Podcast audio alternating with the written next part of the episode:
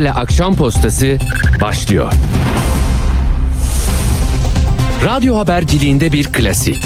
Sorulmayanı soran, haberin peşini bırakmayan tarzıyla bir marka. Atilla Güner'le Akşam Postası, gündeme damga vuran konu ve konuklarla hafta içi her akşam 17'de Radyo Sputnik'te.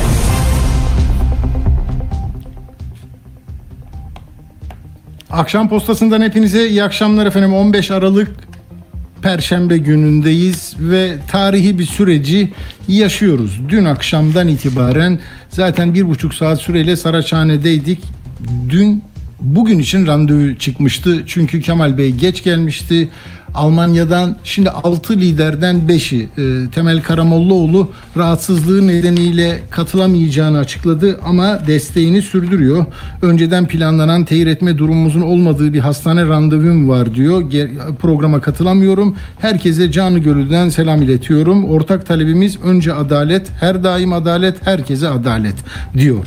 Şimdi bakın siz bu meseleleri haber şeklinde size küçük küçük anlatabilirim. Siz zaten parmaklarınızın ucundan eğer cezaevinde değilseniz her istediğiniz bilgiye filtrelerinizden ulaşıyorsunuz. Onun için çok kısa anlatacağım. Dün akşama tekrar dönmenin e, sadece şu faydası var. Orada hatırda kalan sözler, ilişkiler, gözlemler çok önemli. Ama her şeyden önce bir başlık arar ya gazeteyi yapan adam da dokuz sütun ne diyeceğim diye. Hakikaten yeni bir yürüyüş, yeni bir kırılma noktası, yeni bir Türkiye hikayesinin başladığı gün bu.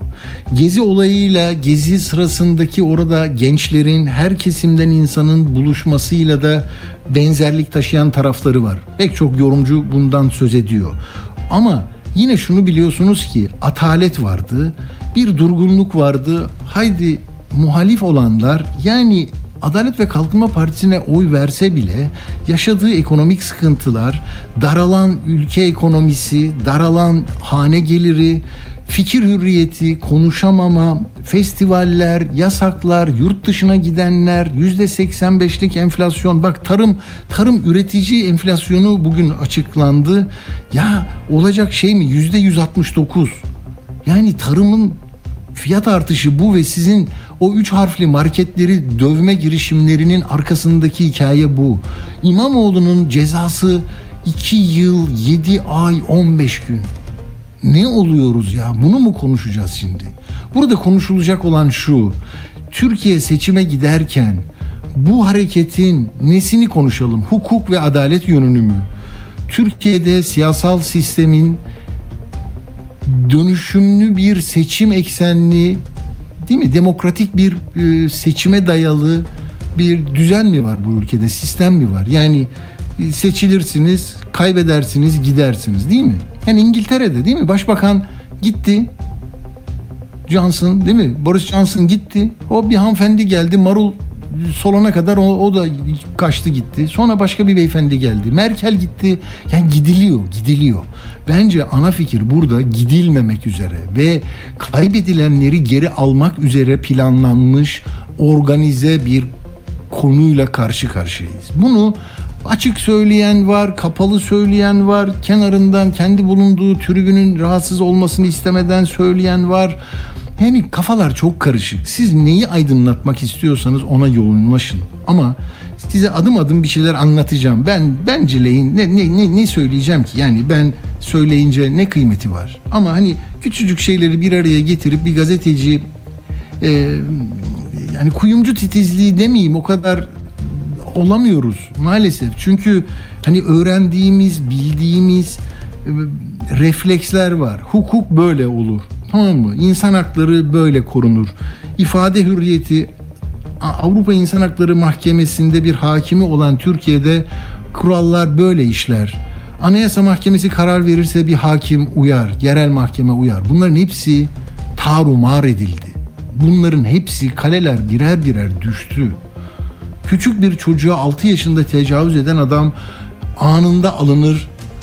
Yani ömrü hayatında görmediği cezalarla bütün dünyaya da ilan edilir ki bir daha o çocuğun kılına dokunmayacaksın. Yok. Orada durur iki yıl bekler falan. Yani artık neye göre bilme hakkını elimizde tutacağız ve bilgilerimizle kurulu sistemin kendi düzeniyle bir hareketi yorumlarken nasıl karara varacağız? Futbolda bile yıllarca yok frikikti çizgiyi doğru çizmedin, yok 9 metreyi buradan almadın diye adama sprey verdiler. Bir ekran koydular, kameraları koydular. Gol mü değil mi diye bekliyor. Gol veriyor önce sonra gidiyor, bakıyor, bir daha bakıyor. Yani yanlış olabilir. Ya buradaki şimdi İstanbul 7. Asliye Ceza Mahkemesi'nin kararı önümde. Ben çok adliyelerde, sık yönetim mahkemelerinde de görev yaptım. Söylüyorum hadi bir matah bir şey diye değil kardeşim ya üzülüyorum. Yani onları okumasını az çok öğrendik. Ben metinler okurken bazen yani bunu abartılı bulanlarınız da oluyor belki bana uğraşanlar da oluyor. Hani bir düşman hukuku varmış gibi. işgali sona erdirmek isteyen Kuvayi Milliye tırnak içinde ya da milisler, güçler, adli, polisiye, siyasi, mühendislik her neyse, ekonomik, bürokrasi, TÜİK, KÜİK neyse her yerde e, bir e, aidiyetiz tesis ettikten sonra artık şey neyi kaybettik ya da neyi kaybedebiliriz? Bir, İstanbul'u kaybeden Türkiye kaybeder dedik mi? Eyvah kaybettik. Peki 3 senedir bütün medyasıyla, TRT'siyle adamın yemek yemesinden işte bir belediye otobüsünün egzosundan iki patlama sesi geldiğinde vay böyle yaptılara kadar üç buçuk sene bununla uğraşıldı. İki kez seçime sokuldu. Adam kazandı. Ve bu nasıl gider diye planlamaların neticesinde böyle oldu. Suç mu benim bu söylediğim? Suç değil hukuk ile ilgili herkesin de baktığım yer burası. Ama varmış gibi yaparak nereye gideceğimizi düşünüyoruz ki. Şu mu? Kaybetmeyecek. Bir yani bunun iki şeyi var ya muhalefet, talep eden, bir daha gelmek isteyen ve orada da hala iktidarda olanlar. Ve burada da bir büyük jüri var. Yani bu jürinin gözü önünde rakibi ben şey gibi gladyatör gibi kenara atacağım derken kullandığın enstrümanların üzerinde ne yazdığı önemli değil ki.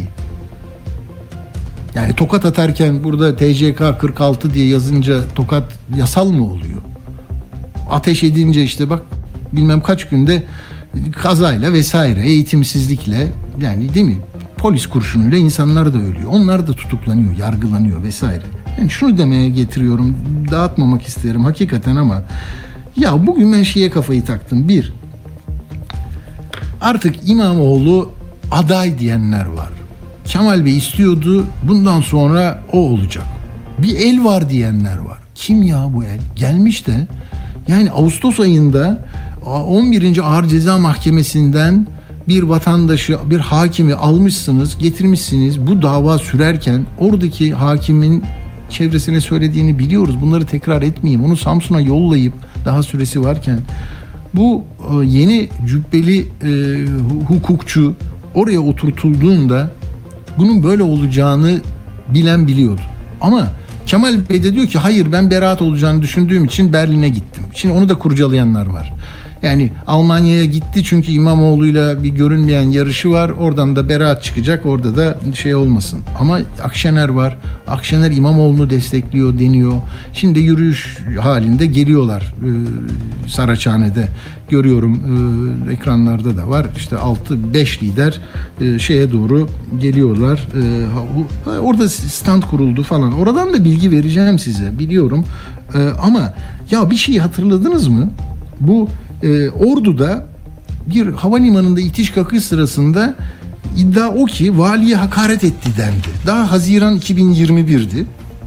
Tamam mı? E, 2019'da özür düzeltiyorum 5 Haziran 2019'da seçim çalışması için orduya gidiyordu. 23 Haziran'da da seçim olacak. Vali itlik yapmıştır lafı kulağa geldi dendi. Hayır e, dendi. Hayır vali basitlik yapmıştır dedim ben dedi. Yargılama oldu. Bakın orası da Asliye Ceza Mahkemesi. Orada da bir hakim var. Oturdu. O karara baktım. Orada da aynı madde tamam mı? Kamu kamu görevlisine bir saniye böyle e, söylüyorum suçun türünü söyleyeceğim size.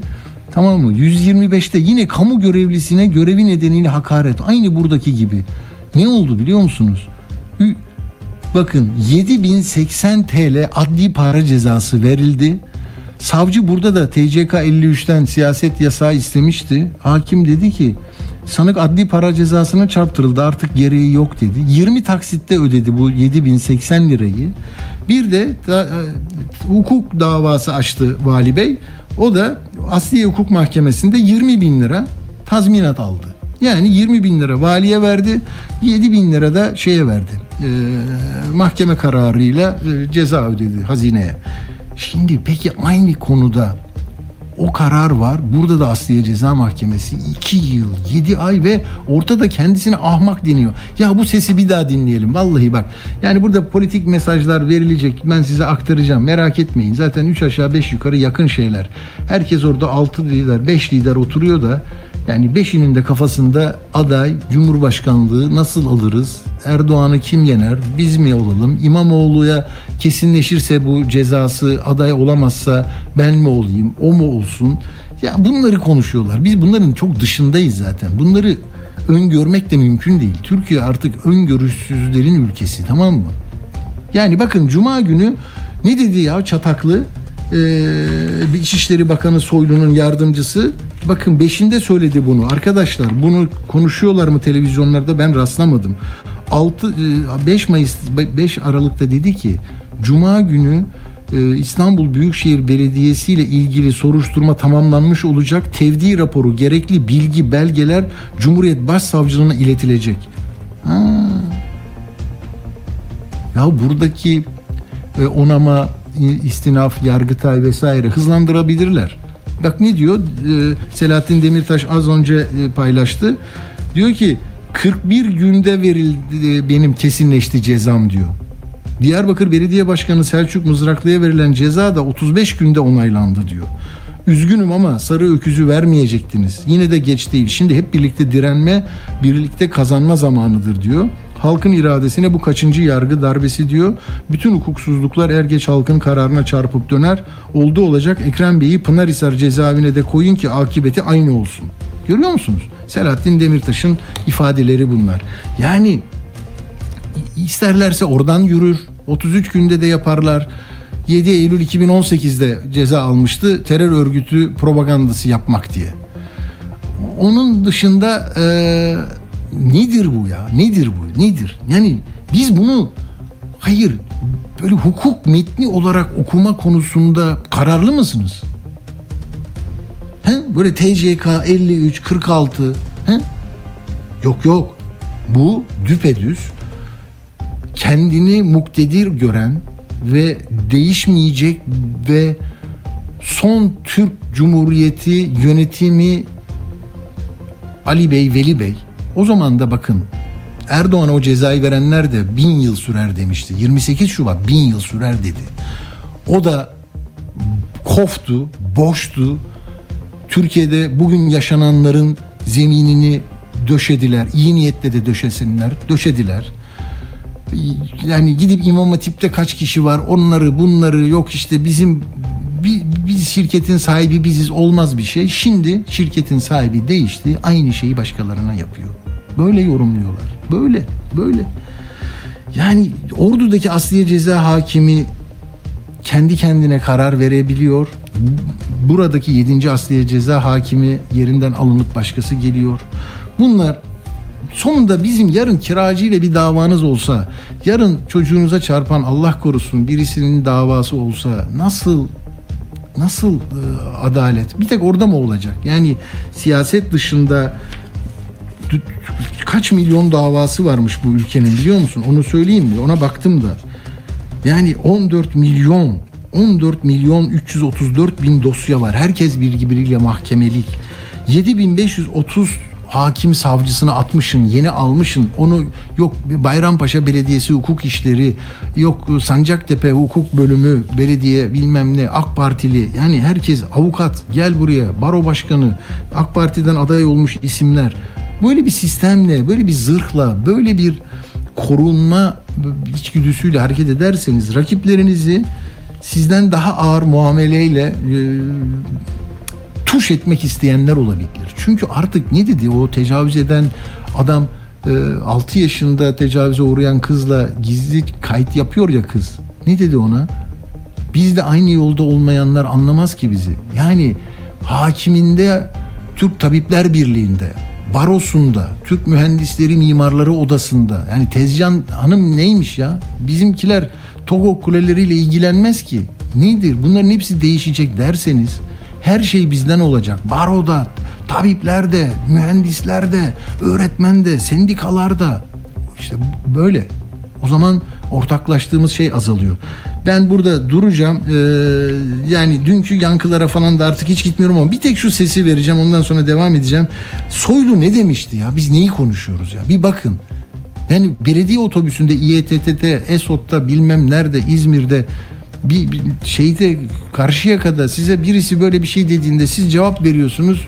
Karakola gitmeden devam ediyorsunuz. Şimdi adamın senin siyasetini bitireceğim diyor. Böyle şey olur mu? Bak ne demiş Soylu ona? O ona ne cevap vermiş? Buradan da 2 yıl 7 ay çıkar mı? Hadi ver bakayım. Avrupa Parlamentosu'na gidip Türkiye'yi şikayet eden ahmağa söylüyorum. Bunun bedelini bu millet sana ödetecek. Ben lafa bakarım laf mı diye bir de söylene bakarım adama bakarım adam mı diye derim. Yani önce bunu söyleyeyim üzücü. Biraz tabii seviyesine inmeyeceğim bir alan bu. İşte 31 Mart'ta seçimi iptal edenler ahmaktır. Evet şimdi canlı bağlantılara başlayabiliriz arkadaşlar. Dünkü e, yani dünkü söylenecek şeyleri artık uzatmak istemiyorum.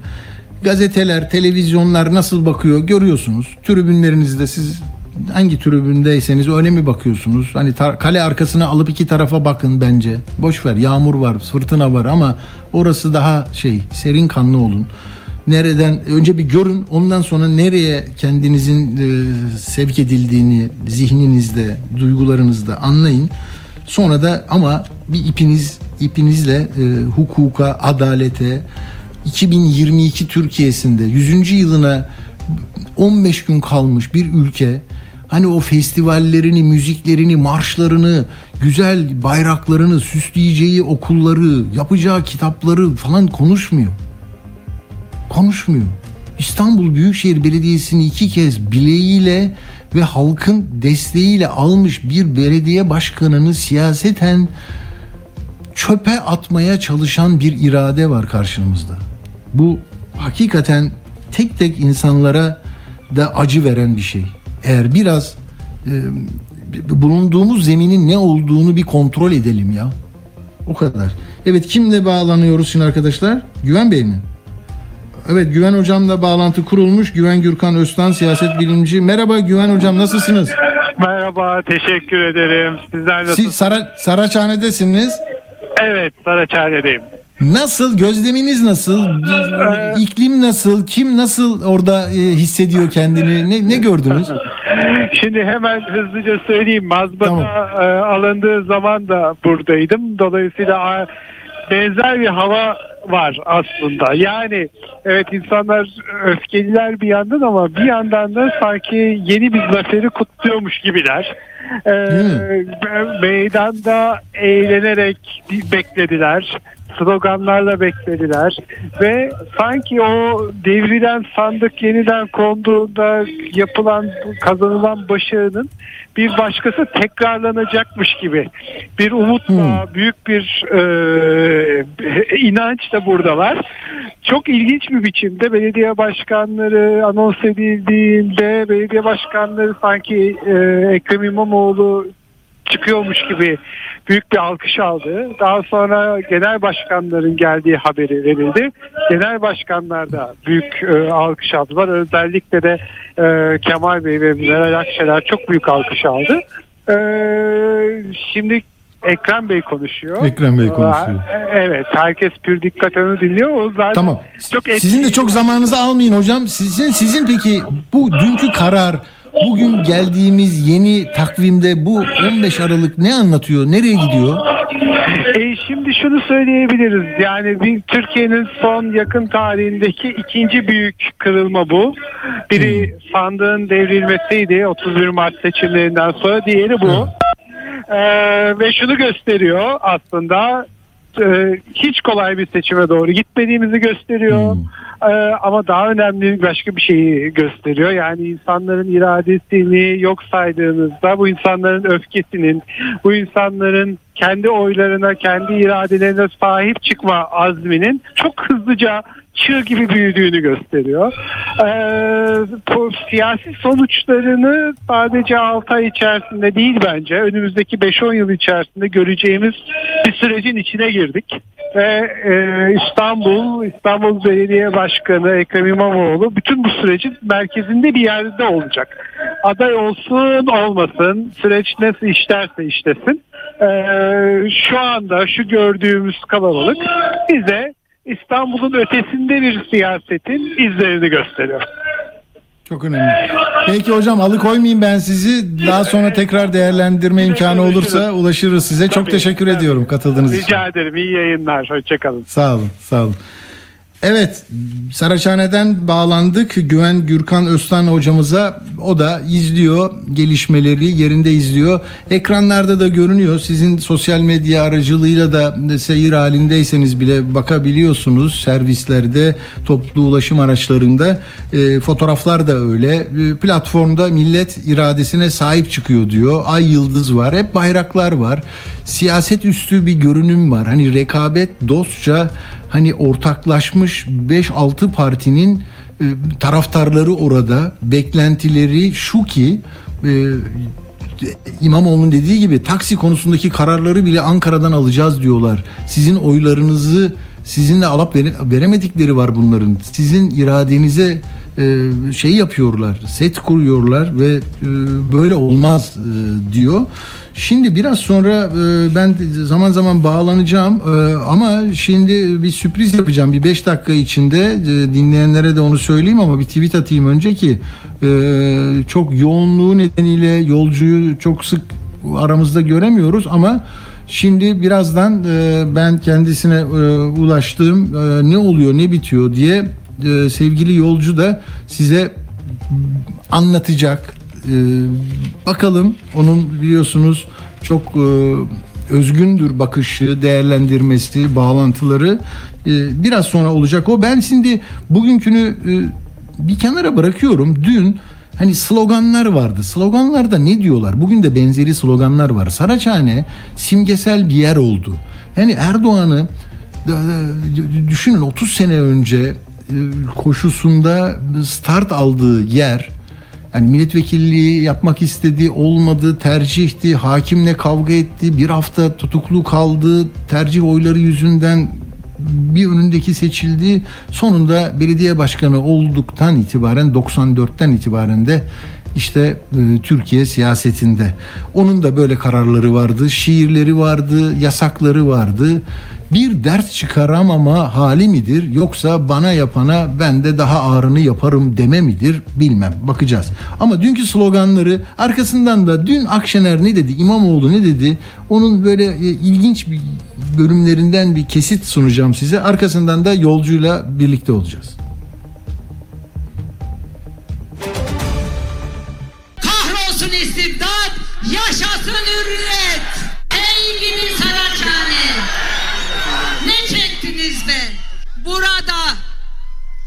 Okuduğu bir şiirle mahkum olan bir büyük şehir belediye başkanı vardı. Demişti ki bu şarkı burada bitmez.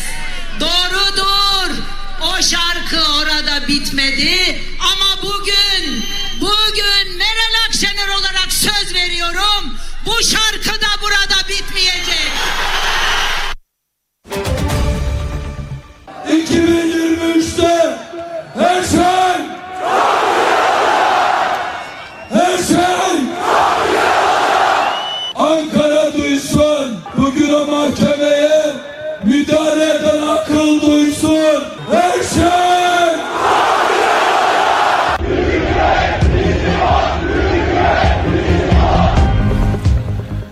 Evet, düne aitti bu sesler, sloganlar. Hükümet istifa dendi. Ee, epeydir duymadığımız bir mesele.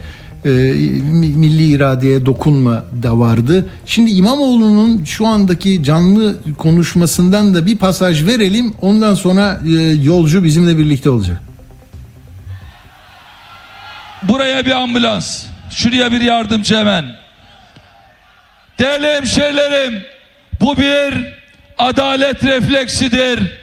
Sizler ortaya koyduğunuz şey bu rızanın bu rızanın kalktığının kanıtıdır. Bunlar açıkçası vicdansızlığın olduğu haksız yere milletin mağdur edildiği anlarda olur.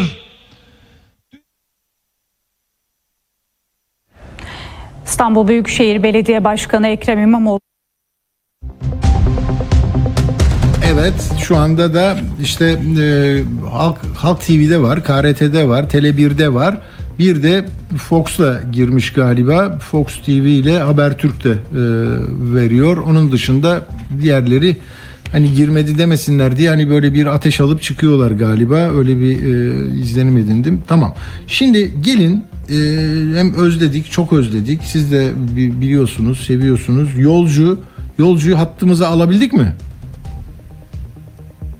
Ya yolcunun şeyi de yok ama değil mi? O kapağı da olsaydı ne güzel olurdu. Va, hazır mı? Kolayda mı? Peki. Şimdi yolcu bağlanıyormuş. Ben o, o hani kapak diyoruz biz girişte kullandığımız ses ve e, o şık bir şey olmuştu. Onu özledik. Belki onu da kullanmak lazım.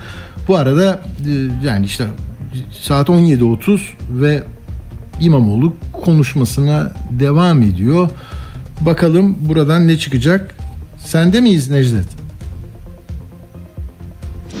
Ladies and gentlemen, welcome on board. Yolcu anlatıyor. Evet sevgili yolcu merhaba. Atilla merhaba. Herkese merhabalar. Herkese iyi akşamlar. Sağ olasın. Çok özledik seni. Ne yapıyorsun? Ne- Nereden e, bakıyorsun meseleye bakalım şimdi? Atilla 2018'den beri sürekli seçim var. Yani seçim hiç bitmedi. Seçimin açıklandı, işte sonuçlar açıklandı. Şu kadar şu kadar oy fark oldu. Birinci seçim böyleydi dendi. Hemen ikinci seçim başladı. O seçimden beri e, İmamoğlu hedef tahtasında onu yanlış yaptı, bunu yanlış yaptı, şunu yanlış yaptı diye. Tabii bu bir medya ve politik düzlemde durunulan yerden karşı taraftaki politik rakip üzerine, onu yenme üzerine e tabi abartılı bir e, popülist politikayla olmayanlar da söylendi. Olanlar abartıldı. Siyasetin de bir miktar galiba çirkin yüzünü hep beraber tanıklık ettik. Bunu gördük. Ve ama Türkiye son 3 senedir de neredeyse e, son derece yorgun. Bu seçimden yorgun. Çünkü seçim meselesinde yorgun olduğumuz konu aslında daha önceki dönemde de sürekli seçim yapılması. E, genel tercihi e, bir meclisi çalıştırmayan zihin olduğu için ya çoğunluktaki meclisi elde tuttu ya da meclisi çalıştırmama yöntemini elde tuttu ama bunu sürekli seçimlerle işte halkın kamuoyuna e, kamuoyunun görüşüne sunarak sürekli ya benim yaptığımı halk onayladığına göre kardeşim siz ne konuşuyorsunuz gibi tırnak arası bir mesaja gitti. Şimdi ne oluyor peki şu anda? Olan aslında çok karışık bir şey değil. Yani böyle geri çekilirsen, bir nesneye çok yaklaşırsan nesne büyür.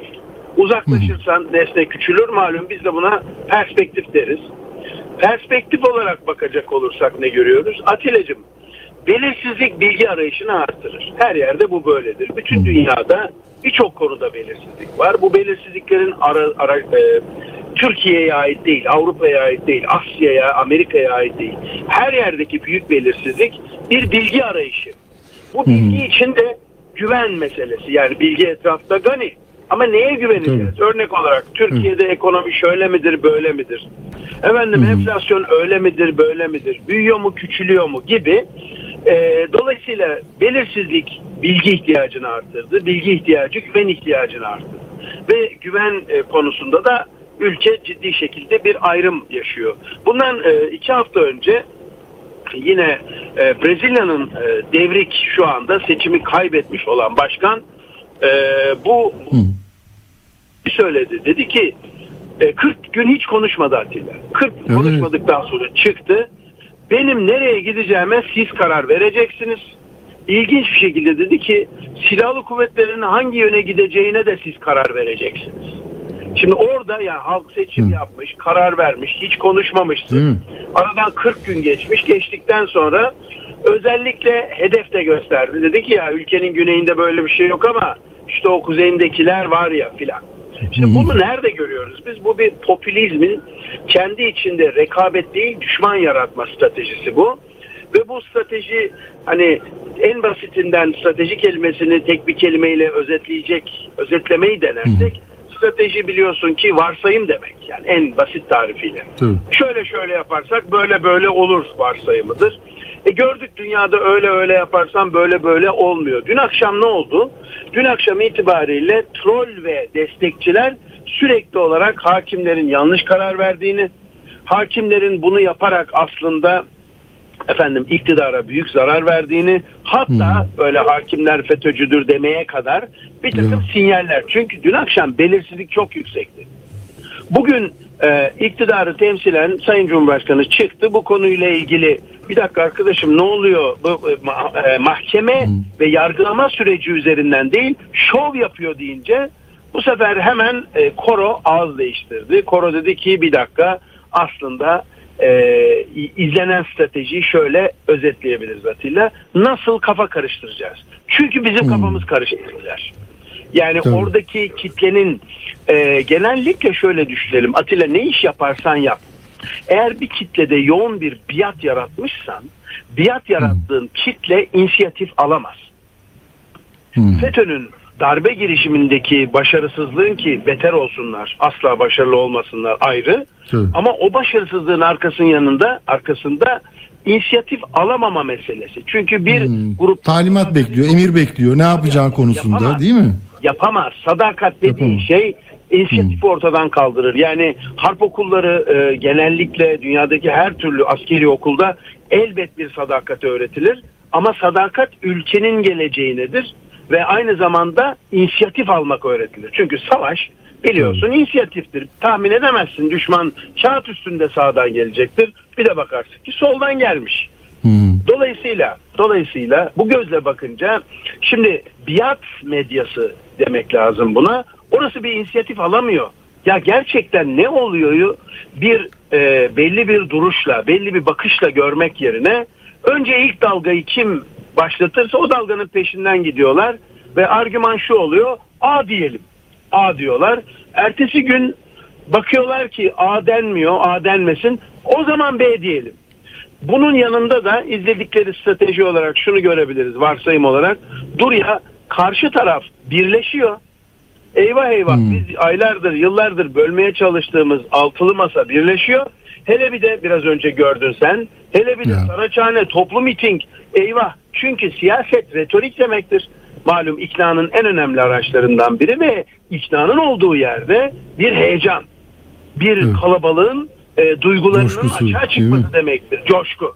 E son zamanlarda görüyoruz yani e, Devlet Bahçeli'nin Sayın Cumhurbaşkanı'nın Bursa'daki yaptığı veya işte başka şehirlerde yaptıkları mitinglere Van vesaire bakıyorsun. Metrekare hesabı yaptığında e, e, Bursa'da toplanan kişi sayısı 8 bin kişiydi Atilla.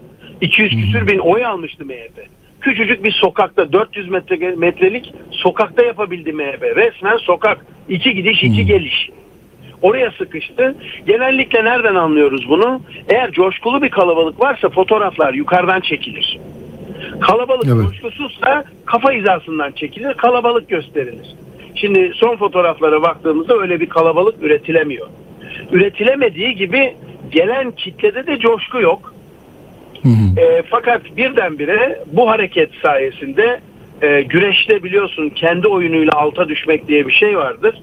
Evet. Bence iktidar e, son bir senede belirli odaklarda düşünerek, taşınarak, e, ciddi şekilde analiz yaparak davranmıyor.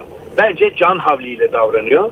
Bu can havliyle davranma biçimi de onlara çok rastgele e, eylemler yapma konusunda teşvik ediyor. Bunun da sonuçları pek düşünülmüyor.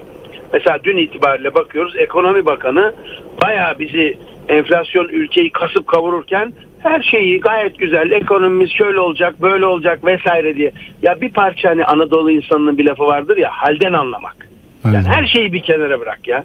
Her şeyi bir, bir vazgeçtim zaten öyle bir şey beklemiyoruz. Devlet adamlığı filan e, hak getir öyle bir şey yok ama en azından ya bir ağır başlı bir halden anlamak vardır. Bu yoksulluk, bu fakirlik, fukaralığı görmeyerek ben çok e, şeyim her şey süper diye bir şeyi yaymamak lazım. İkinci konu yazıktır. Türkiye'nin yapmış olduğu teknoloji hamlesi olarak müthiş bir ilk defa insansız bir hava aracı uçuruyoruz. O çok önemsenmesi gereken, çok ciddiye e, alınması gereken, Türkiye'nin çok e, her şeye rağmen, bak her şeye rağmen başarısıdır. Onu bile siyasete alet edip dünden beri onun tweetleri atılarak sanki o haberle bu haberi ya bu memleket için iyi bir şey. Ama memleket için başka bir şeyin malzemesi, başka bir şeyin dolgu malzemesi yapılması ne yazık ki oraya karşı da hak ettiği takdiri, hak ettiği desteği görmek yerine düşmanlaştırmaya gidiyor. Bu e, düşmanlaştırma politikası biliyorsun e, 2011'de dünyada toksik polarizasyon denen bu yöntem toplam 5 ülkede vardı. Şu anda 35 ülkede var.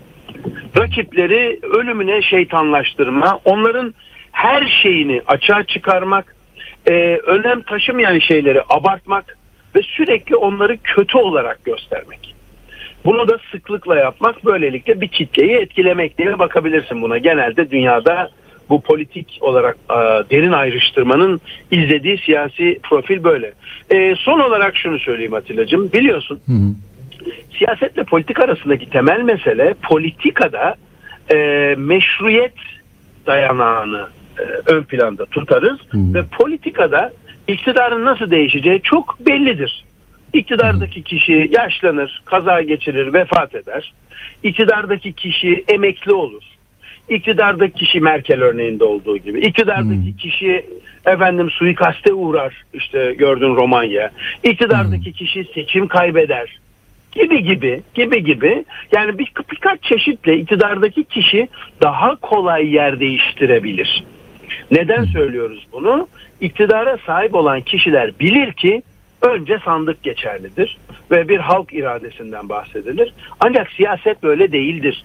Bunu bu kanaldan herhalde defalarca söyledik Atilla. Siyaset Evet. seyislikten, at ve deve yönetiminden gelir ve siyasetteki temel mesele deveyi yöneten, atı yöneten seyis ölürse at başıboş kalır. Halk başıboş kalır. O yüzden sürekli iktidar şöyle anlatılır. Biz gidersek siz mahvolursunuz. Bizim geleceğimiz sizin geleceğinizle aynıdır diyerek burada iktidarın el değiştirmesi konusu siyasetle politik arasındaki en temel problemdir. El değiştirme konusu sadece şöyledir. Ben gidiyorum Saddam Hüseyin gidiyorsa yerine oğlu gelir. Kaddafi gidiyorsa yerine oğlu gelir. Yani bunu görürüz ağırlıklı olarak. Mutlaka bir oğul, mutlaka daha oligarşik bir yöntemle. Çünkü siyaseti biz yönetiyoruz. Bizden daha doğrusu yoktur. Geri kalan ya haindir ya düşmandır. Dolayısıyla Zaten millet de size bu yetkiyi vermez. Alamazsınız Tabii, değil mi? Öyle de çok zaten. söyleniyor. Tabii tabii. Yani bunun bunun propaganda sıklıkla yapılır.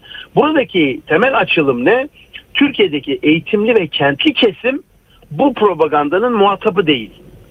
Bu propagandanın muhatabı olmadığı için bu propagandayı ciddiye almıyor. Bugünkü ayrım Türkiye'nin geleceğini bilmiyoruz.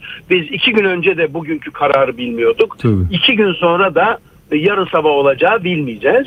Bu bağlamda bakıldığı zaman bugünkü politik e, ayrışma eğer e, yeni kuşak bu Z denilen kuşak seçime de daha ağırlıklı katılacak olursa iktidarın değişeceğini gösteriyor.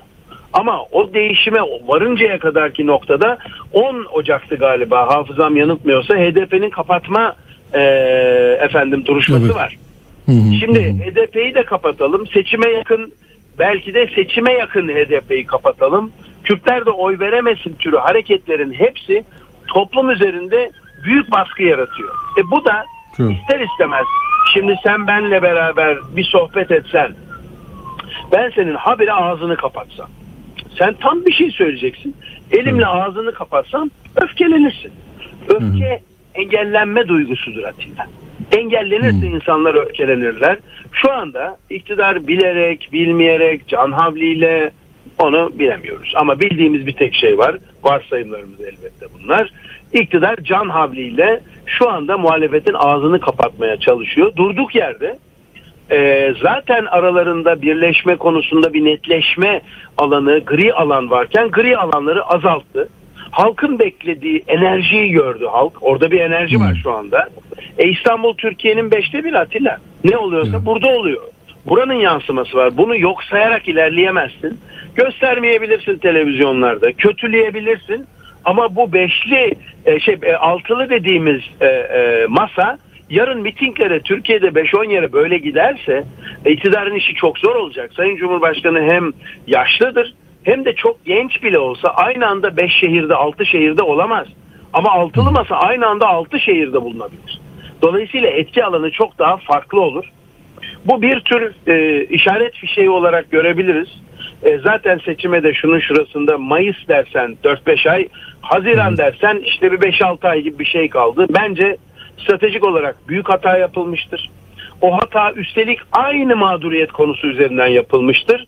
Ve burada da bir samimiyet testinde iktidar sınıfta kalmıştır. Zaten hep kalıyordu. Şimdi Ama bir manevra alanı var değil mi yolcu? Ben öyle eski tecrübelerimizden görüyoruz. Bir anda hani bir Amerikalı danışmanlık firmasıyla neredeyse imza atılacaktı vesaire. Sonra birden baktılar bir durum değişmişti Atilla, ya. şu an şu anda çok zor. O senin söylediğin dönemin özelliği şuydu. e, iktidar tek başına iktidardı. Yani bir ortaklık yaptığı bir diğeriyle beraber yürüteceği bir iş yoktu. Şu anda en son Anladım. hatırlasana. Yani olacak iş değil ya. Önce HDP'yi kapatma vesaire sonra tabii ki HDP ile anayasa görüşmeleri yapalım. Bence son 20 senenin iki özetinden bahsedebiliriz. E, genel bir görüştür. Bu bu sadece bir sadece basit bir düşünce, kişisel bir düşünce.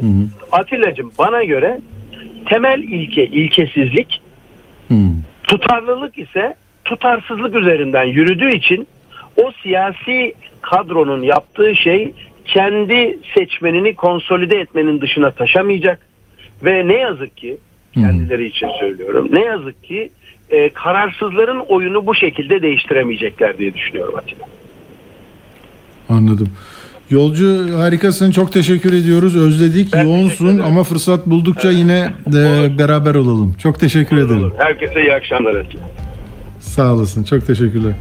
Evet sevgili yolcunun da sözünü ettiği hani böyle kendi içlerinden ya bunda bir çapanoğlu var ne ne oldu ya biz niye böyle bir şey isteyelim? Bak Nuh Albayrak yani o da eski gazetecidir. Diyor ki e, ya bu, bu nasıl bir şey diyor. Bu nasıl bir mahkumiyet ki?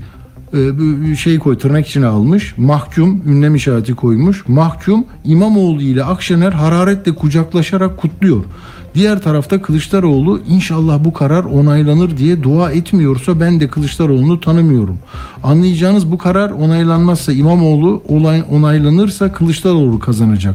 Bu durumda nereden çıktı bu operasyon gibi karar diye kimin sorması gerekiyor? Biz soralım diyor yani tamam mı? Bu, bu, bu birkaç yorum daha var öyle. Ee, ama ondan önce Arınç'ın tabii tarzını biliyorsunuz. O da diyor ki ya üç değerli hukuk profesörünün hazırladığı şeyi okudum, mütalayı okudum. Mahkumiyet kararı buna rağmen çıktı. Türk yargısı adına utanç verici ve umut kırıcıdır. Bu kararın hukuki ve siyasi sonuçlarını kısaca değerlendireyim diyor. Diyor ki en kısa zamanda üst mahkemeden döneceğine milli iradenin yara almasına izin verilmeyeceğine gönülden inanıyorum diyor. Bu Arınç'ın temennisi ama yani böyle bir kararın olma ihtimali %0.5'ti. Şimdi olduğuna göre diğerleri artık zincirleme gidebilir. Siyasi yasa kararının hiçbir şekilde uygulanmasına imkan olmayacaktır diyor. Sonra da şeye getiriyor lafı. AK Parti'nin karşısına güçlü bir aday profili inşa edecek yolun taşlarını döşüyor diyor bu diyor. Dirayetli feraset sahibi siyasiler bu durumu göz önünde alsınlar. Yanlışa izin vermeyeceklerine inanıyorum diyor. Yani AK Parti'ye AK Parti mektubu yazmış. Tabii farklı farklı şeyler de var. Onlardan da size e, birkaç şey okumak isterim. Ee, mesela Evren Balta diyor ki yapılması gereken bugün bu gece İmamoğlu'nun adaylığını açıklamaktır diyor. Altılı masaya böyle bir e, çağrısı olanlar da fena değil. Kılıçdaroğlu'nun Berlin'de olmasını, Almanya'da olmasını talihsizlik diyenler var. Kılıçdaroğlu böyle bir kırılma anını kaçırdı diyor Gülfem Saydan Sanver. Ee, Onur Alp Yılmaz Sayın Cumhurbaşkanı yıllar önce hikayesini başlattığı meydanda bugün hikayesini bitirdi diyor. Yani bu kadar e, net söyleyebilecek miyiz? Daha bu çok yani çok daha bilmeyeceğimiz unsurlar da katılabilir buna. Hakikaten bilmiyoruz. Ahmet İmaya eski me- e, meclisin Adalet Komisyonu eski başkanıydı Adalet ve Kalkınma Partisi'nden. Zulüm mürekkebiyle yazılan hiçbir yargı kararı umanlarına hayır getirmemiştir diyor. Abdülkadir Selvi bile İmamoğlu kararı çok yanlış. Dilerim istinafta düzeltilir diyor. Çok ağır. Bu haliyle kabul edilemez diyor. Akit'ten bile yani olmaz diyorlar. Mehmet Barlas öyle diyor. Yani e, Muharrem Sarıkaya şey demiş. Kim ne derse desin bundan böyle altı masanın doğa altılı masanın doğal Cumhurbaşkanı adayı İmamoğlu'dur diyor. O kadar kolay mı? Ben bilmiyorum. Yani hakikaten bilmiyorum. Hani adaylığın şimdi açıklanırsa artık siyaset yasağı gelecek. O ne olacak? Şimdi e, ben buralarda durayım. E, değerli bir konuğumuz daha var. E, Tolga Tolga Bey'i arayabilir miyiz arkadaşlar? Tolga Şirin Bey'i arayalım lütfen. 10 dakikamız var hızlıca. Bir küçük ara verelim sonra Tolga Bey'e gidelim. Radyo haberciliğinde bir klasik. Sorulmayanı soran, haberin peşini bırakmayan tarzıyla bir marka. Atilla Güner'le Akşam Postası, gündeme damga vuran konu ve konuklarla hafta içi her akşam 17'de Radyo Sputnik'te. Evet sözünü ettim. Yoğun bir gündem. Zaman zaman Saraçhane'den de bilgiler veriyoruz ama hukuken hani bir siyasi yasaklı olma meselesi Türk Ceza Kanunu 53. maddesi burada çok öne çıkıyor. Acaba bu karar mahkeme kararı istinafa gitti. Oradan onama aldı. O sırada İçişleri Bakanlığı başka bir dosya nedeniyle terörle iltisaklı dosyayı yarın başsavcılığa vereceklerini söylemişlerdi. Oradan mı bir yürüme yü- yürüyebilir e, süreç bilemiyorum ama e, hukuki yorumunu e, almamız gerekiyor. Değerli bir uzman hattımızda anayasa hukukçusu doçent e, doktor Tolga Şirin Bey. Merhaba hocam hoş geldiniz.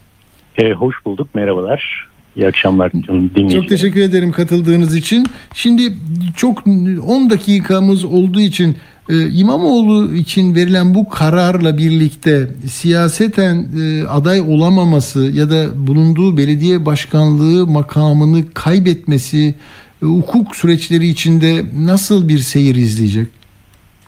Şimdi öncelikle şunu söyleyeyim. Yani dünden beri bazı konularda bilgi yanlışları var. Kesinlikle. Ee, yani kamuoyunda bu tabii spontane çıktığı için karar çok hı. hazırlıklı değildi. Dolayısıyla bazı hatalar oldu. E, onları bir düzeltmek gerekiyor yani. Lütfen. Başta şöyle söylenmişti. Bu kararın yani ceza mahkemesi kararının sadece istinafa tabi olduğu söylenmişti. Hı hı. Bu yanlış. Yani bu 2019 yılında yapılan değişiklik gereğince bunun bir de yargıtay aşaması Tabii. ve daha sonra Aşaması ayrıca Anayasa Mahkemesi aşaması olacak. Hı hı. Ee, fakat gene dün galiba birkaç basında gördüğüm şey vardı. Bu AYM kararını da beklemek gerekir e, dendi. E, bu AYM kararını beklemeye gerek olmayacak. Yani istinaf ve yargıtay aşamaları tamamlandığında e, Hı. eğer bu onanmış olur ise bu durumda e, Ekrem İmamoğlu'nun aday olması söz konusu değil. Fakat o aşamada Anayasa Mahkemesi'nin hızla karar verme olasılığı var. Yani bunlar her biri birer spekül- spekülasyon yani Tabii. ama AYM'nin karar verme olasılığı var. Geçmişte mesela Mehmet Haberal başvurusu 4 günde AYM sonuçlandırmıştı. Veya e, e, Gürsel Yıldırım, İbrahim Ayhan başvuruları vardı. Bu 2 günde sonuçlandı. O vakalarda tutukluluk falan da söz konusu oluyor. Tabii o biraz daha onun için acele edilebiliyor ama Anayasa Mahkemesi Başkanı'nın şu anda hali hazırda Zühtü Aslan inisiyatif göstermesi durumunda Anayasa Mahkemesi Yargıtay kararının hemen sonra bir karar e, verebilir. Bu seçeneklerden bir tanesi. Fakat Hı hı. o bu ayrıntıya girmeden önce şunu söyleyeyim. Olağan koşullarda istinaf ve e, Yargıtay aşamaları olacak. Bunun dışında bir aşama ayrıca bir şey YSK'nın bekleyeceği bir şey yok. E, bunu söyleyeyim. Tolga Bey çok özür dilerim. Arada şöyle bir şey sormak isterdim size. Hüküm kurarken e, Asliye Ceza Hakimi şey diyor parantez içinde bu TCK 53 ile ilgili Anayasa Mahkemesi'nin iptal kararı gözetilmek suretiyle cezanın infazı tamamlanıncaya kadar e, yani yoksun bırakılma meselesinde bu hani Anayasa Mahkemesi belki uzun bir mesele de olabilir de o orada daraltıyor mu e, kendi yoksunluğunu yoksa bir, bir Yani şey daha önce söylemiş. konuda bir anayasa mahkemesi kararı 2015 yılında bir anayasa mahkemesi kararı vardı. Orada daha önce e, yani onun bir, orada biraz ayrıntı bu ama oradaki seçim Tamam. ehliyeti ibaresini iptal etti. Yani 2015'te vermiş olduğu bir karardı anayasa Tamam. mahkemesinin. Burada önem taşıyan nokta her halükarda kararın kesinleşmesi gerektiği. Yani hala sadece bu kararla 2015 öncesi böyle bazı tartışmalı noktalar vardı ama şu anda onu karıştırmayalım. Bence esas mesele Tamam. şu. Bu karar kesinleşmeden e, mümkün değil. E, yani adaylığına engel olunması. Ama tabii burada başka olasılıklar var. Mesela bir tanesi şu. Yani kamuoyunu e, nu ilgilendiren sorulardan biri. Acaba işte kayyum ataması gibi. Burada da böyle bir şey yapılabilir mi? Veya görevden uzaklaştırılabilir mi? Şimdi şu anki vaka itibariyle bu bir terör suçu değil. Değil. Bu görevle ilgili bir suç da değil. Şimdi bizim belediye kanunu görevle ilgili suçların bulunması durumunda bir yetki veriyor. Yani şeye yetki veriyor. İçişleri Bakanı'na yetki veriyor. Fakat burada görevle ilgili bir suç yok. Keza e, KYK döneminde konulan bir hükümdür. Terörle bağlantılı olarak özellikle Güneydoğu'daki belediye başkanlarına uygulanan usul o da e, Ekrem İmamoğlu olduğu için hali hazırda yani bu vaka için söylüyorum uygulanabilir durumda değil. Yani kesinleşmeden şu anda e, e, yeni bir durumda ortaya çıkmadan e, burada görevden alınması, uzaklaştırılması söz konusu olamaz İmamoğlu'nun. Ha, peki kesinleşirse ne olur? Şimdi burada şu olasılıklar var. Bir tanesi yani bu bıraktığımız yerden gidersin. Bir kere bu kesinleşme e, aynı zamanda belediye başkanı seçilme yeterliliğini de etkileyen bir, bir şey olduğu için bu durumda e, belediye başkanlığı düşer. Kesinleşme durumda. O da derhal olmuyor. İçişleri Bakanı Danıştay'a başvuruyor. Danıştay'a ayrıca bir karar veriyor. Buna ayrıca itiraz etmek de mümkün olabiliyor vesaire. Bu ayrı bir süreç ama sonuç itibariyle düşürme yetkisi olabiliyor. Çünkü iki yıldan fazla hapis cezası almış oluyor. Bu durumda bu boşalmaya binaen e, Büyükşehir Belediye Meclisi sanıyorum AK Parti'de çoğunluğu yeni bir Evet. belediye başkanı o boşalmaya binaen belirliyor. Eğer onlar bir seçim yapamazlarsa o zaman İçişleri Bakanı bir görevlendirme yapıyor. Dolayısıyla kesin Ama bu da kesinleşmeyi e, mutlaka e, sağlamak lazım değil mi? Evet. Eğer terör veya göreviyle ilgili bir suç olsaydı orada biraz daha farklı bir durum var ama bu basit bir suç. Yani hakaret suçuyla ilgili olduğu için Doğru, burada doğru. kesinleşmeyi gerektiriyor. Şimdi Peki- dolayısıyla kesinleşme halinde hem aday olamayacak hem de belediye başkanlığından düşecek. Yani bunu böyle özetleyebiliriz. İki, Tamam. Peki çok özür dilerim hocam. Burada Cuma günü e, İçişleri Bakanlığı'ndan bir açıklama yapıldı. E, Soylu'nun yardımcısı dedi ki bu iltisaklılar, FETÖ'cüler, e, örgüt mensuplarıyla ilgili dosyamızı Cumhuriyet Başsavcılığına Cuma günü vereceğiz dedi. Öyle bir tesadüf oldu ki şimdi çarşamba günü bu karar, Cuma günü de terörle olan kısmı. Acaba bu iklimde mesela o terörle ilgili Cumhuriyet Başsavcılığında bir, bir- bir daha yeni başlangıcında İçişleri Bakanı e, alabilir mi e, görevden? yani orada evet biraz daha farklı bir rejim oluyor. Orada terörle mücadele kapsamındaki e, yani rejim var. Bu tabii şu anki Güneydoğu'da özellikle belediye başkanlarının başına gelen bir e, duruma benzer.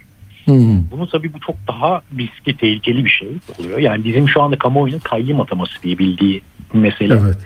Orada biraz daha olasılık dahilinde oluyor. Çünkü e, belediye kanunu 45. maddesi özellikle terör veya terör örgütlerine yardım yataklık suçlarıyla görevden uzaklaştırmadan, keza tutuklamadan ya da kamu hizmetine yasaklamadan bahsediyor. E, bu durumda işte İçişleri Bakanı kendisi başka bir kişi atayabiliyor. Yani umarım ki ben sana Hı hı. ya umuyoruz ki bu terör yani terör örgütüne yardım yataklık olsa olsa olabilir. En kötü ihtimalle söylüyorum. Yani böyle bir şey olduğu için söylemiyorum bunu. Hı hı. Fakat bu, bu zorlamayla çok sayıda bu belediyede terörle irtibatlı, iltisaklı kişi bulunuyor gibi bir iddiayla böyle bir kovuşturma, soruşturma açılır ise orada biraz daha farklı bir şey var. Rejim var. Yani şimdi spekülasyon yapmak istemem. Bunu görmek gerekiyor. Fakat Tabii, irtibat, tabii. iltisak, ondan sonra bununla bağlantılı olarak bu kayyum atama mesele bunlar hep o hal döneminde KYK rejiminde üretilmiş. Hukuki belirlilikten de yoksun. Oldukça sorumlu öğeler. E, fakat oralarda bu demin söylediklerinden biraz daha farklı bir durum olduğunu belki takip edebiliriz. O çıkarsa onu ayrıca konuşuruz. Yani şu anda Tamam. spekülasyon olur. Hı hı. Ama burada şunu söyleyebilirim. Şimdi çok soru geliyor. Ben de çok e, biraz seçiciyim yani basına da Tabii. konuşurken Sputnik işte bir istisna benim için. Şunu söyleyeyim özellikle. E, bu bağlamda şu mesela Ekrem İmamoğlu adaylığı kesinleştikten sonra ama henüz seçim yapılmadan önce karar kesinleşirse ne olur? Yani aday Hı hı. listesinin kesinleşmesi diye bir şey var. Bu Cumhurbaşkanı seçim kanunundadır. Burada yerine yeni birini koyamıyorsunuz. Yani kanunun 12. maddesi diyor ki olur da bir şekilde resmi gazetede artık hani adaylar bunlardır demişsek artık bundan sonraki eksilmeler e, Hmm. değişiklik getirmez. Yani ya yeni aday getirdik bu olacak falan bunu söyleyemiyorsunuz. Dolayısıyla böyle bir risk var. Yani aday gösterdiğiniz hemen ardından Yargıtay kesinleştirdi. Bu durumda e, artık geçmiş olsun. Belki bir üçüncü adayınız varsa onu bilemem. Bu bir stratejidir. O devreye girer falan ama orada başka riskler var. Dördüncü, baş, beşinci adaylar. E, Ama bu olasılıkta başka aday gösteremiyorsunuz. İkinci bir olasılık şu. Bir şekilde aday oldu, girdi, ilk tur yapıldı ve kimse seçilemedi. İkinci tura gideceğiz. O arada kesinleşti. İkinci tura giderken Ekrem İmamoğlu ve Erdoğan varsayalım ki öyle olsun. Bu durumda anayasa diyor ki olur da taraflardan biri adaylıktan düşmesi söz konusu olursa ki bu durumda oluyor. Üçüncü sıradaki aday yarışır. ikinci tura geçer. Yani Hmm. örneğin yüzde bir oyu olan Doğu Perinçek Tabii. üçüncü olmuş ise mesela ikinci tura kalmış oluyor.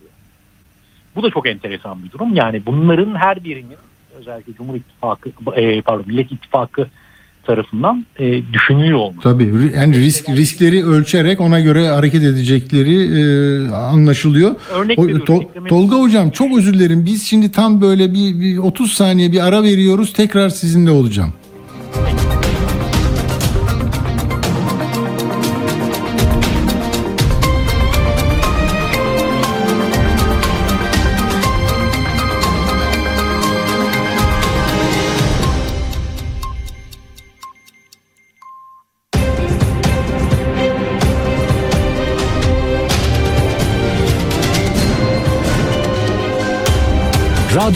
Sputnik. Anlatılmayanları anlatıyoruz. Radyo haberciliğinde bir klasik. Sorulmayanı soran, haberin peşini bırakmayan tarzıyla bir marka. Atilla Güner'le Akşam Postası, gündeme damga vuran konu ve konuklarla hafta içi her akşam 17'de Radyo Sputnik'te.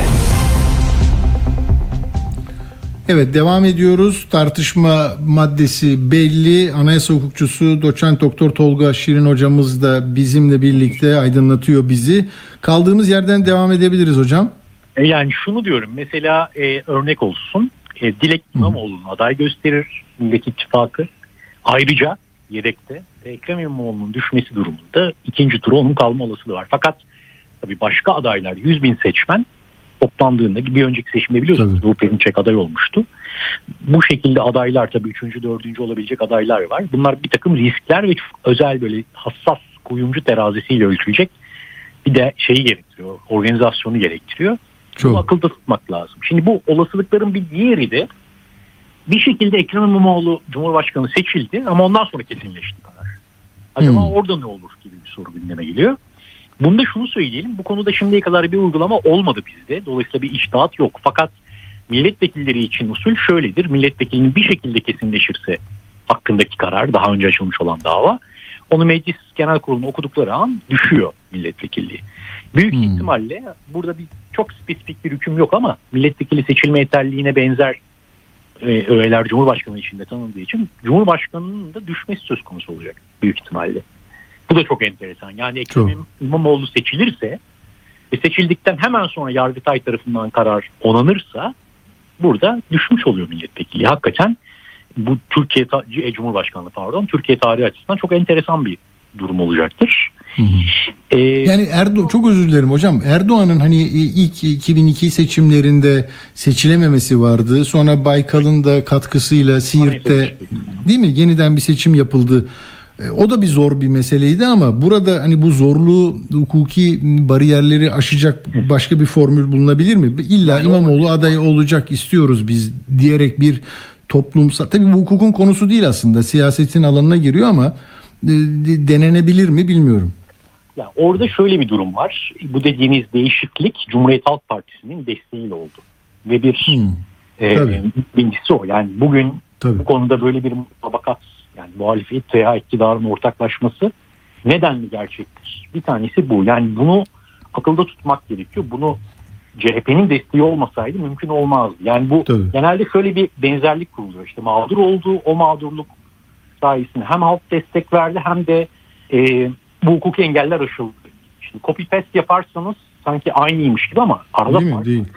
orada yani bir mutabakat oluştu. Böyle bir çatışma yoktu. Yani hukuksal destek geldi Tabii. tarafından, karşıtı tarafından. Şimdi böyle yokken aynısı Tabii demokratik bir jest oldu değil mi aksine?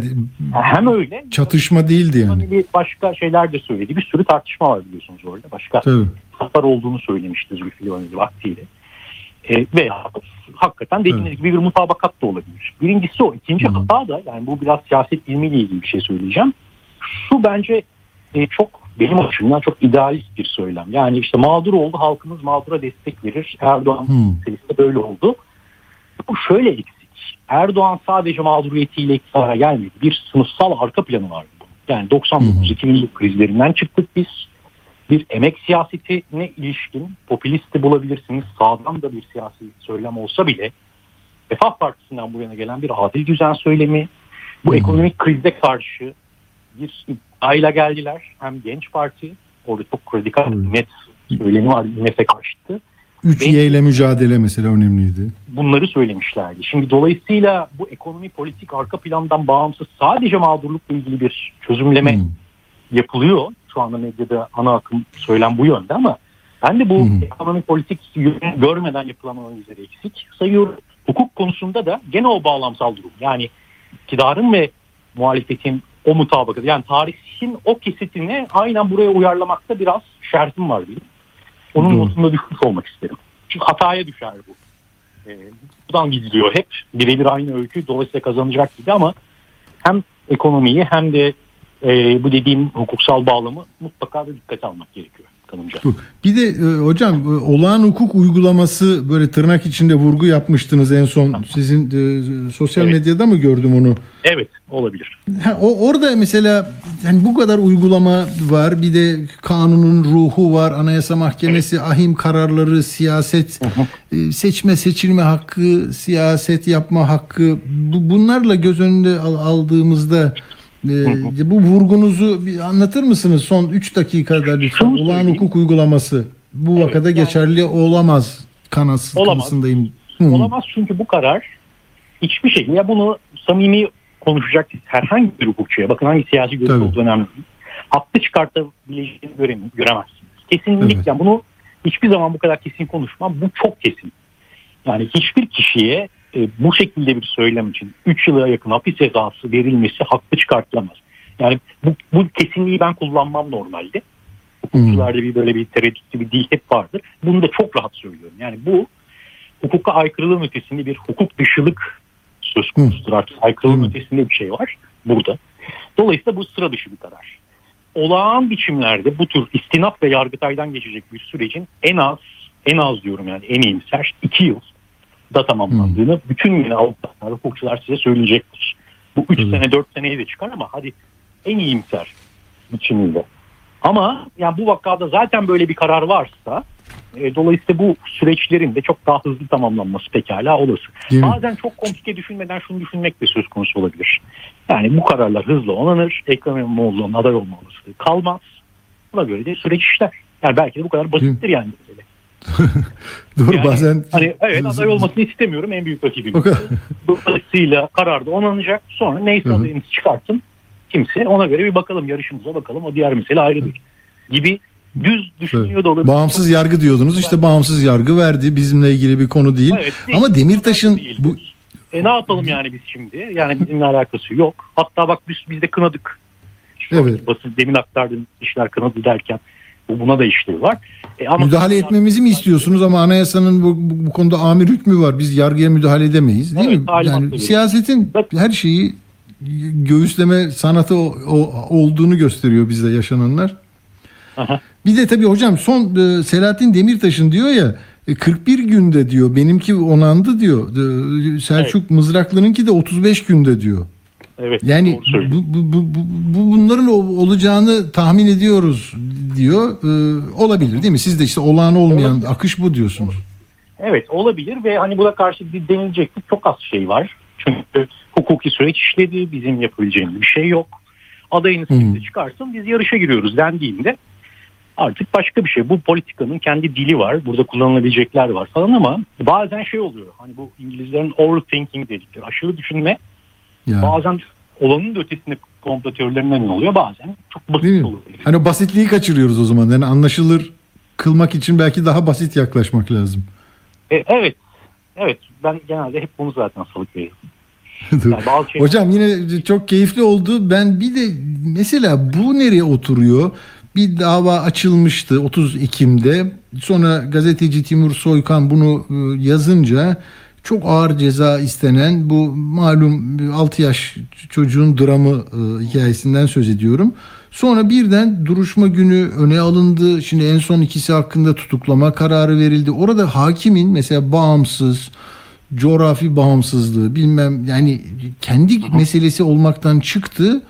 Ee, kürsünün dışında kararlar verildi gibi olumlu olmasına rağmen bunu böyle görüyorum. Bunu nereye oturtuyorsunuz? Şimdi tabii bu spekülasyon olur. Yani e, bir Ha, çok çok tabii örnek bir dava olduğu için diyorum ama e, değil mi? Bu kamuoyunun yani bir- hukuk üzerinde kamunun kamunun böyle bir etkisi oluyor zaman zaman değil mi?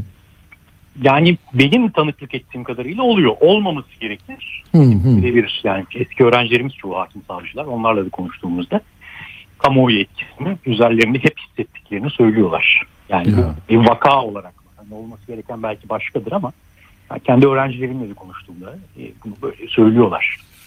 Hı hı. E, kamusal etkiyi çok bakıyor hakim savcılar. Normalde tabii buna bakmamalı. E, yani karar verirken kriter bu değildir. Hukuk böyle işlemez. E, mevzuatta bakarsınız, iştahda bakarsınız. Ama bakılıyor olumlu veya olumsuz. Tabii. Bu olumlu. meseleyi- Mesela bu olumlu herkesin olumlu gördüğü bir mesele ama Evet. e, Bazen de olumsuzları olur bunun. E, Hı. aslında ne olumlu ne olumsuz normal bir tutarlılık şeyden bağımsız yargının hukukun ne söylediği bu Tabii. nötrallikle bakılması lazım ama Türkiye'de bunun olmadığını biliyoruz. Zaten bunun için hukuk doşent olmaya gerek yok yani herkes Evet. yani biliyor yani Türkiye'de. Gözlemliyor. Gözlem. Peki.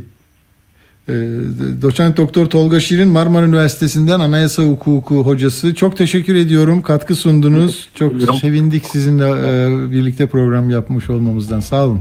Evet, iyi akşamlar. Sağ olun. Evet Tolga Hoca e, vallahi tane tane anlattı. Çok da keyifli. Tam da bir radyocu e, ses tonu var. E, Çok da mesajını düzgün, rahat, anlaşılır iletiyor.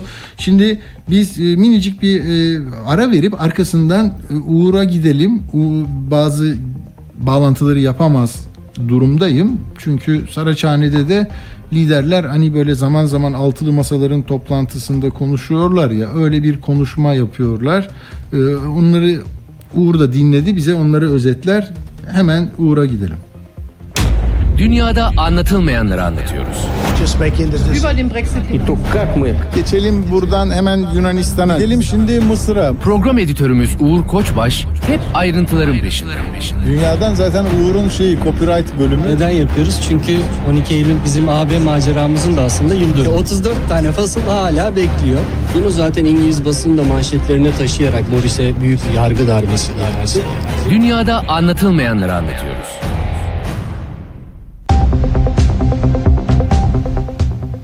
Evet Uğur Koçbaş'la beraberiz. Uğur merhaba. Merhaba. Ee, sen tabii Saraçhane'deki gelişmeleri de izliyorsun ekranlardan. Oradaki arkadaşlarla da konuşuyorsun.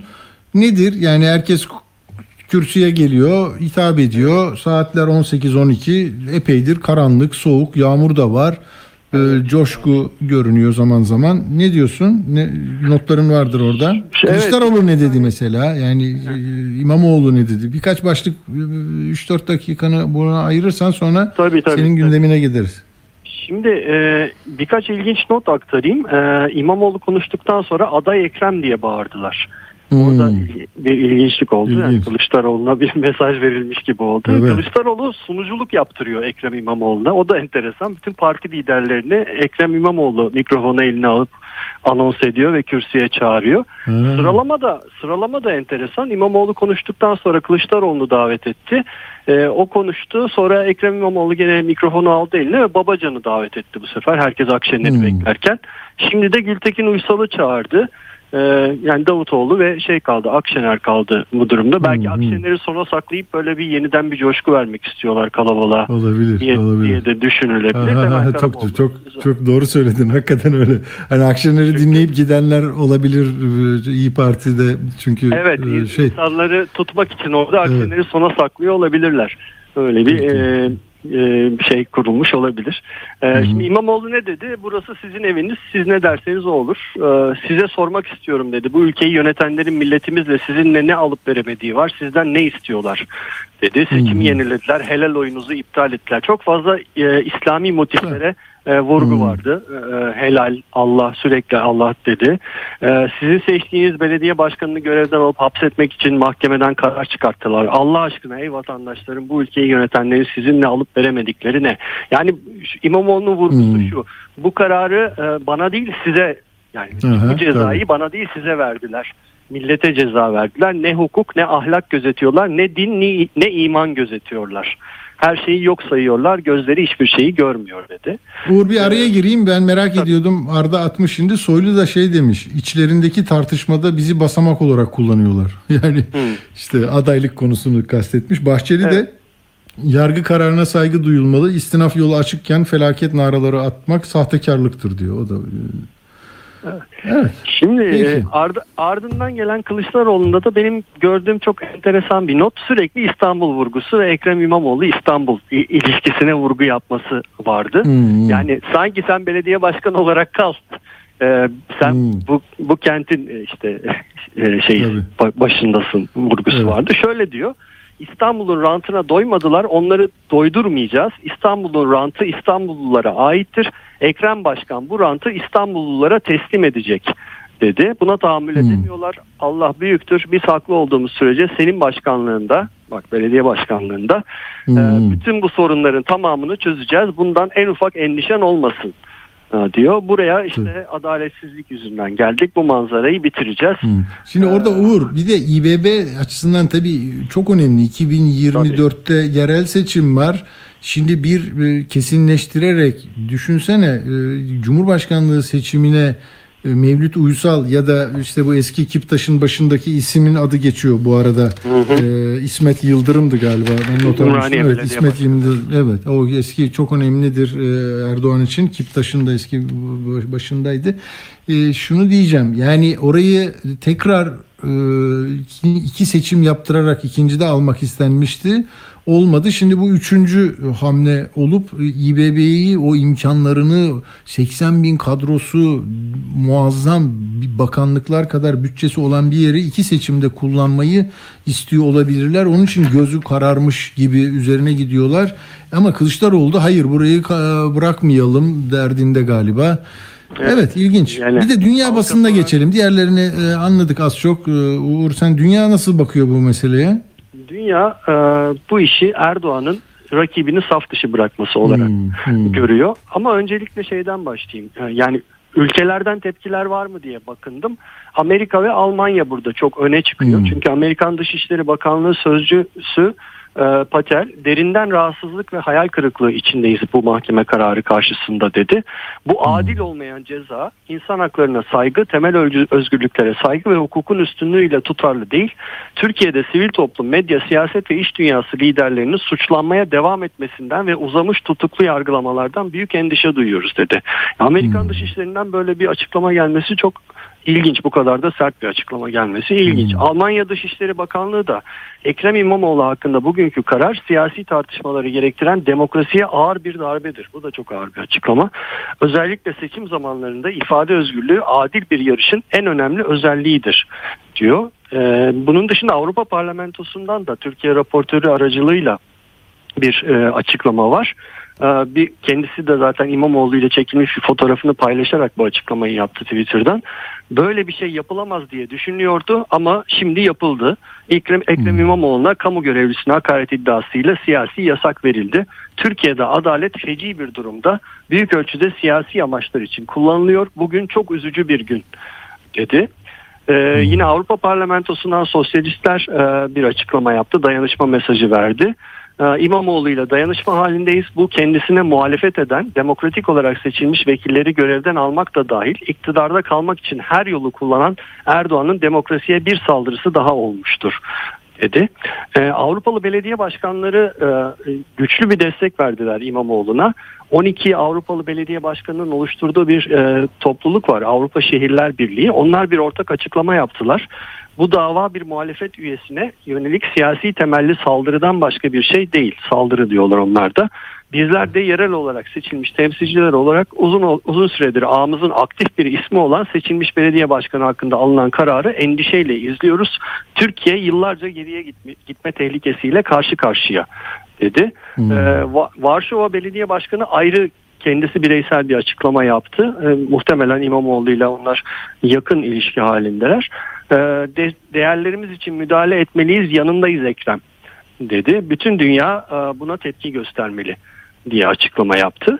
E, basında da çok geniş bir şekilde yer alıyor. Yani İngiltere'sinden Amerika'sına, Fransa'sına kadar e, bütün ülkelerde İmamoğlu'nun kararı Erdoğan'ın rakibine hapis cezası başlığıyla neredeyse ortak başlıkla e, duyuruyorlar. Reuters, AP aynı şekilde İmamoğlu'yu saf dışı e, etme girişimi e, olarak verdiler bunu. Yine Wall Street Journal Erdoğan'ın rakibi e, iki yıldan sonra iki yıldan uzun süre hapis cezasına çarptırıldı diyor ki anketleri de vermiş Wall Street Journal. E, anketler İmamoğlu aday olması durumunda Erdoğan'ı yenebileceğini gösteriyor diyor.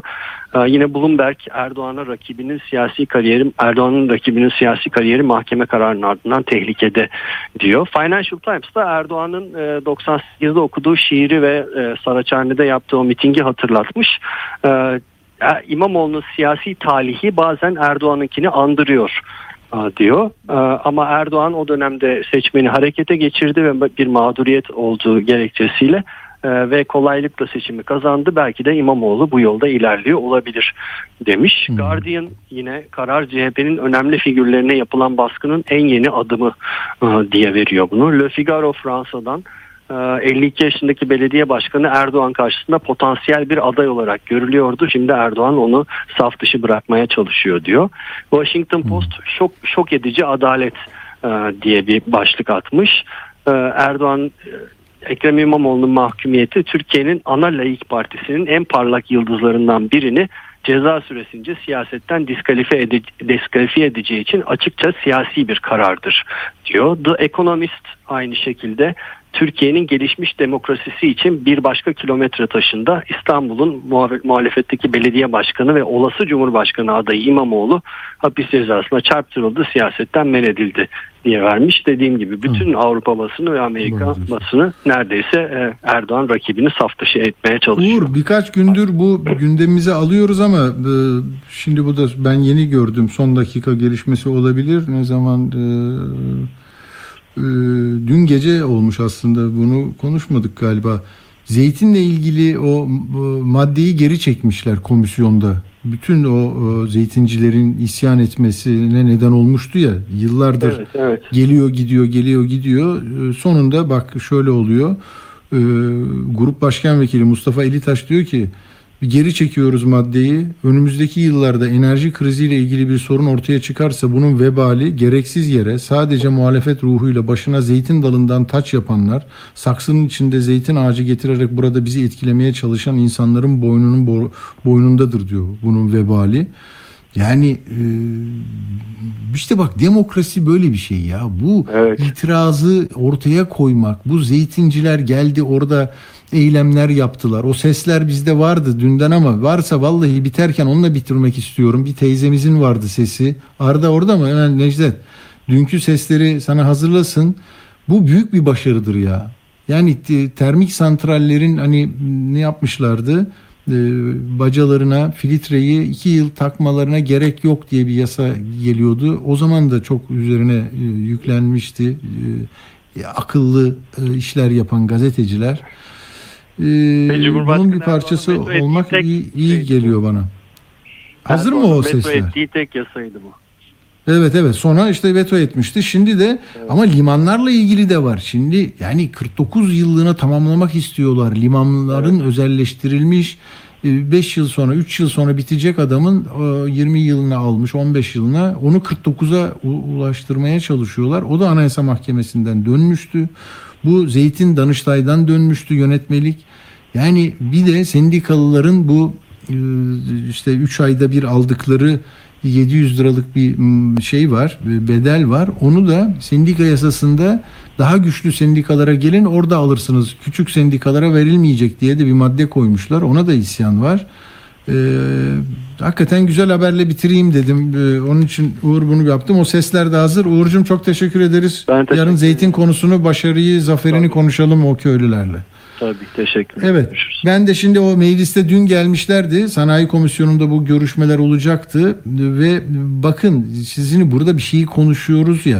İmamoğlu, hukuk, adalet, her şeyin içinde adalet var. Burada da adalete uygun düşmeyen girişimler vardı ve onlar geldiler demokratik haklarını kullandılar, söylediler. Başlarına zeytin ya bu Eski Atina'da da vardı. Barış demek, zeytin dalı çok önemli bir şey. Ne olacak? İşte bu sesini dinleyeceğiniz hanımefendi de başına zeytinden bir tac yapmıştı ve yapmayın, etmeyin. Bu zeytinlerle yaşıyoruz diyorlardı. Hem o e, köylü üretici teyzemizi hem de meclisin önüne gelip bu itirazını yüksek sesle dile getiren e, o zeytincileri e, sizinle buluşturalım, öyle bitirelim.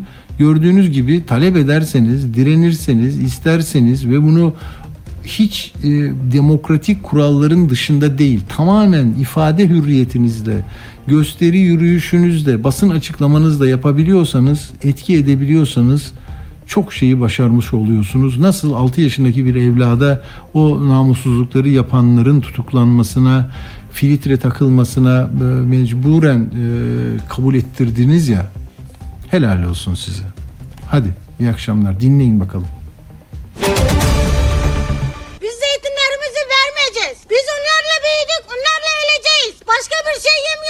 Yemiyoruz biz. Zeytin yiyoruz, zeytin bak bunun dal- meyvesini yiyeceğiz biz. Bunun her çeşit meyvesini alıyoruz biz. Yazıklar olsun size. Zeytinimizi vermiyoruz.